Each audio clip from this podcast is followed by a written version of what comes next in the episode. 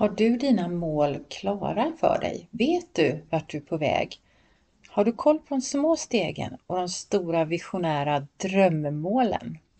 Det pratar vi om idag. Och dessutom tänker jag ge bort en julklapp.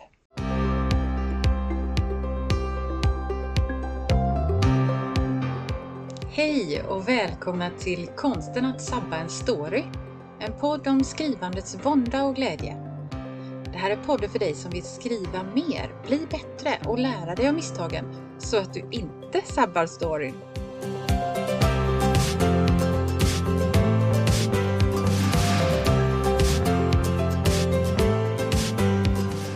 Jag heter Anna-Karin Svanå. Jag är skrivarcoach, lektör och författare. Men nu sätter vi igång!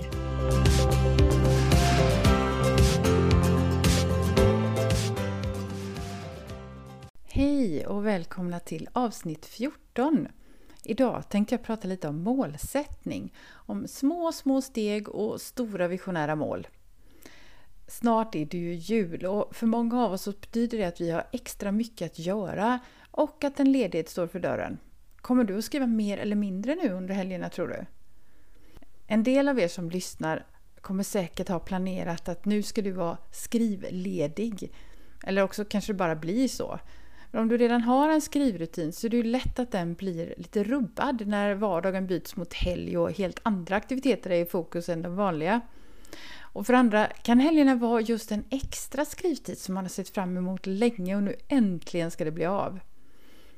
Jag läste om Stephen King för ett tag sedan. Han brukade säga till journalister att han skrev varje dag på året förutom på sin födelsedag och på julafton.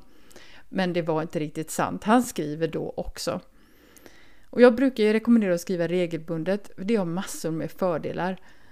Jag kan dock inte påstå att jag är lika bra på att upprätthålla rutinen som Stephen King är, men jag försöker ändå på mitt sätt. Och ett av mina sätt eh, har jag berättat om förut i tisdagstipset och jag tänkte jag skulle klippa in den lilla snutten här nu som handlar om varför det är smart med att sätta upp låga mål.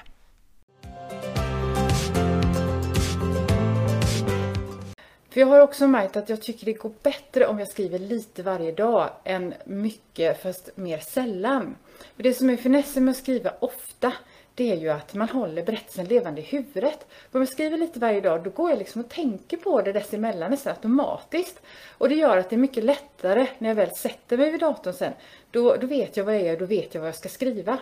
Annars kan ju mycket tid gå till bara där med det tomma dokumentet och så sitter man där och ågren över vad, vad, ska, vad ska jag börja med, vilka ord ska jag sätta på det här pappret nu då. Så lite varje dag, det tycker jag är en bra strategi.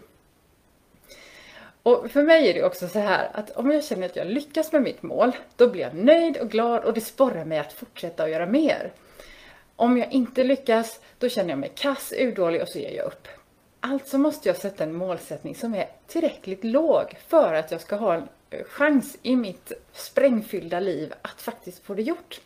Så låga målsättningar, klara av dem och så ser jag att då löper det på bättre.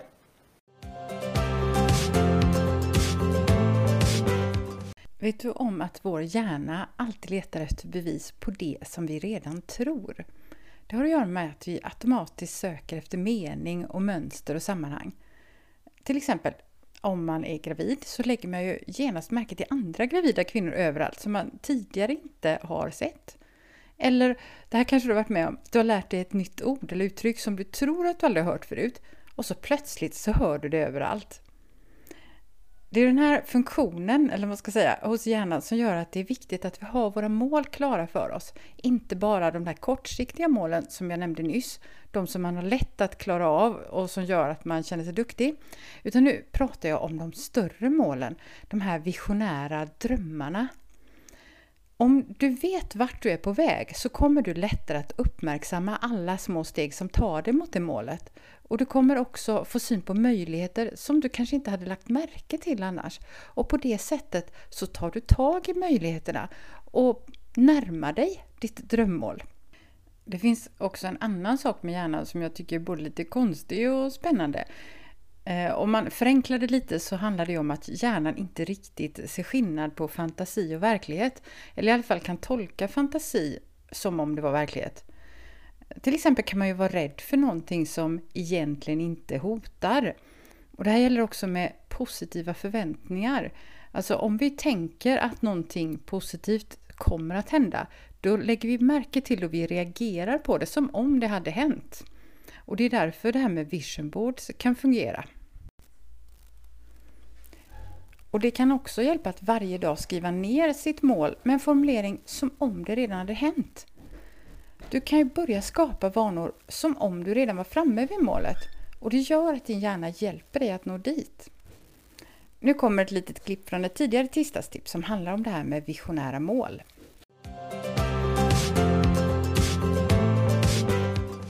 Det är viktigt att ha målet klart för sig i, i det stora, alltså den stora målsättningen. Den som speglar din dröm, det du verkligen vill nå. Vad är det som är ditt mål? Är det att ha din egen bok i handen? Är det att skriva klart det där manuset som du har jobbat med så länge? Eller förverkliga den här idén som du har funderat på men inte riktigt kommit till skott med? Vad är det som skulle få dig att nå det målet? Jag tänker att du kanske är lite grann som jag ibland. Att jag kan hålla på och skriva och skriva. Redigera, ta bort, skriva om, skriva lite till. Och hålla på med samma manus kanske i, i flera år. Och jag tror verkligen på min idé, jag tror på min berättelse. Eller, nej det kanske jag inte gör. Det här kanske inte håller alls. Jo, jo det gör jag visst. Jag tror verkligen på det här. Det kommer bli en fantastisk historia. Och jag skickar in till förlag och får refuseringar. Och så tappar man sugen och tänker att nej, det här går ju inte. Men någonstans så finns det ändå den där pockande känslan att jo, jag tror på det här. Jag vill skriva. Uh, och det som kan vara en hjälp i det här läget tycker jag, det är att ha skrivkompisar. Någon annan som vet hur det känns, som vet hur man kan både tro på sig själv och inte tro på sin historia samtidigt. Och eh, som vet hur svårt det kan vara, men som också tycker att det är roligt att diskutera texter och komma med, med förslag på lösningar och kan se saker som kanske inte jag ser. Och framförallt kanske också det här, någon som förväntar sig att jag skriver det som jag säger att jag ska göra. Det är det här som kallas för accountability. Jag lovar någonting och någon annan ser till att jag faktiskt gör det bara för att jag vet att det finns någon som vet om vad jag har sagt. Så det är en jättestor hjälp att komma vidare och att inte bara sluta. Och det här med att få prata med någon om sin text. Jag menar ärligt talat, hur intresserade är familjen och kompisarna av att få höra om min historia om och om igen? Nej, det är lättare att prata med någon som faktiskt också skriver.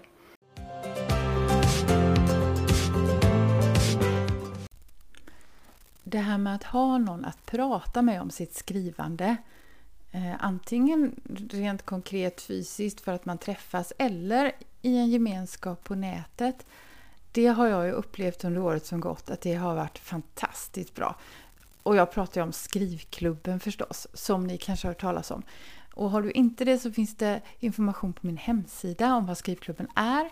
Det är stängt just nu men man kan skriva upp sig på en väntelista och så öppnar vi igen i slutet av januari. Men hur var det nu? Sa inte jag någonting om en julklapp också?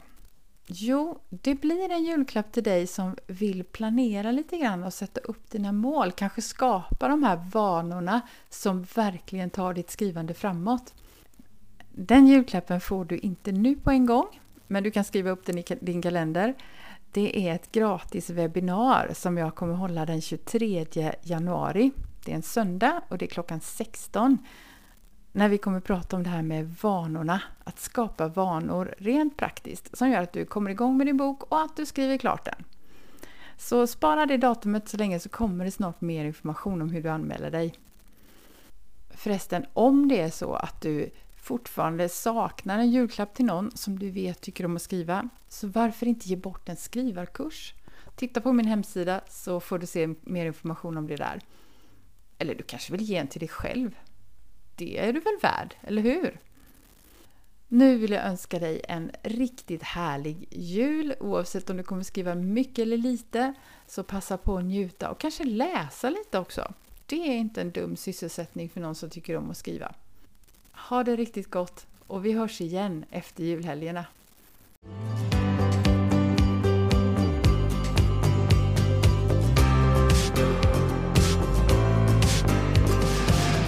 Det var allt för idag. Om du gillar podden skulle det vara toppen om du tipsar andra skrivintresserade också. Titta gärna in på min hemsida www.annakarinsvana.se. Där finns bland annat en gratis minikurs om att börja skriva. Där finns också mer information om mina tjänster och kurser. Men nu är det dags att börja skriva.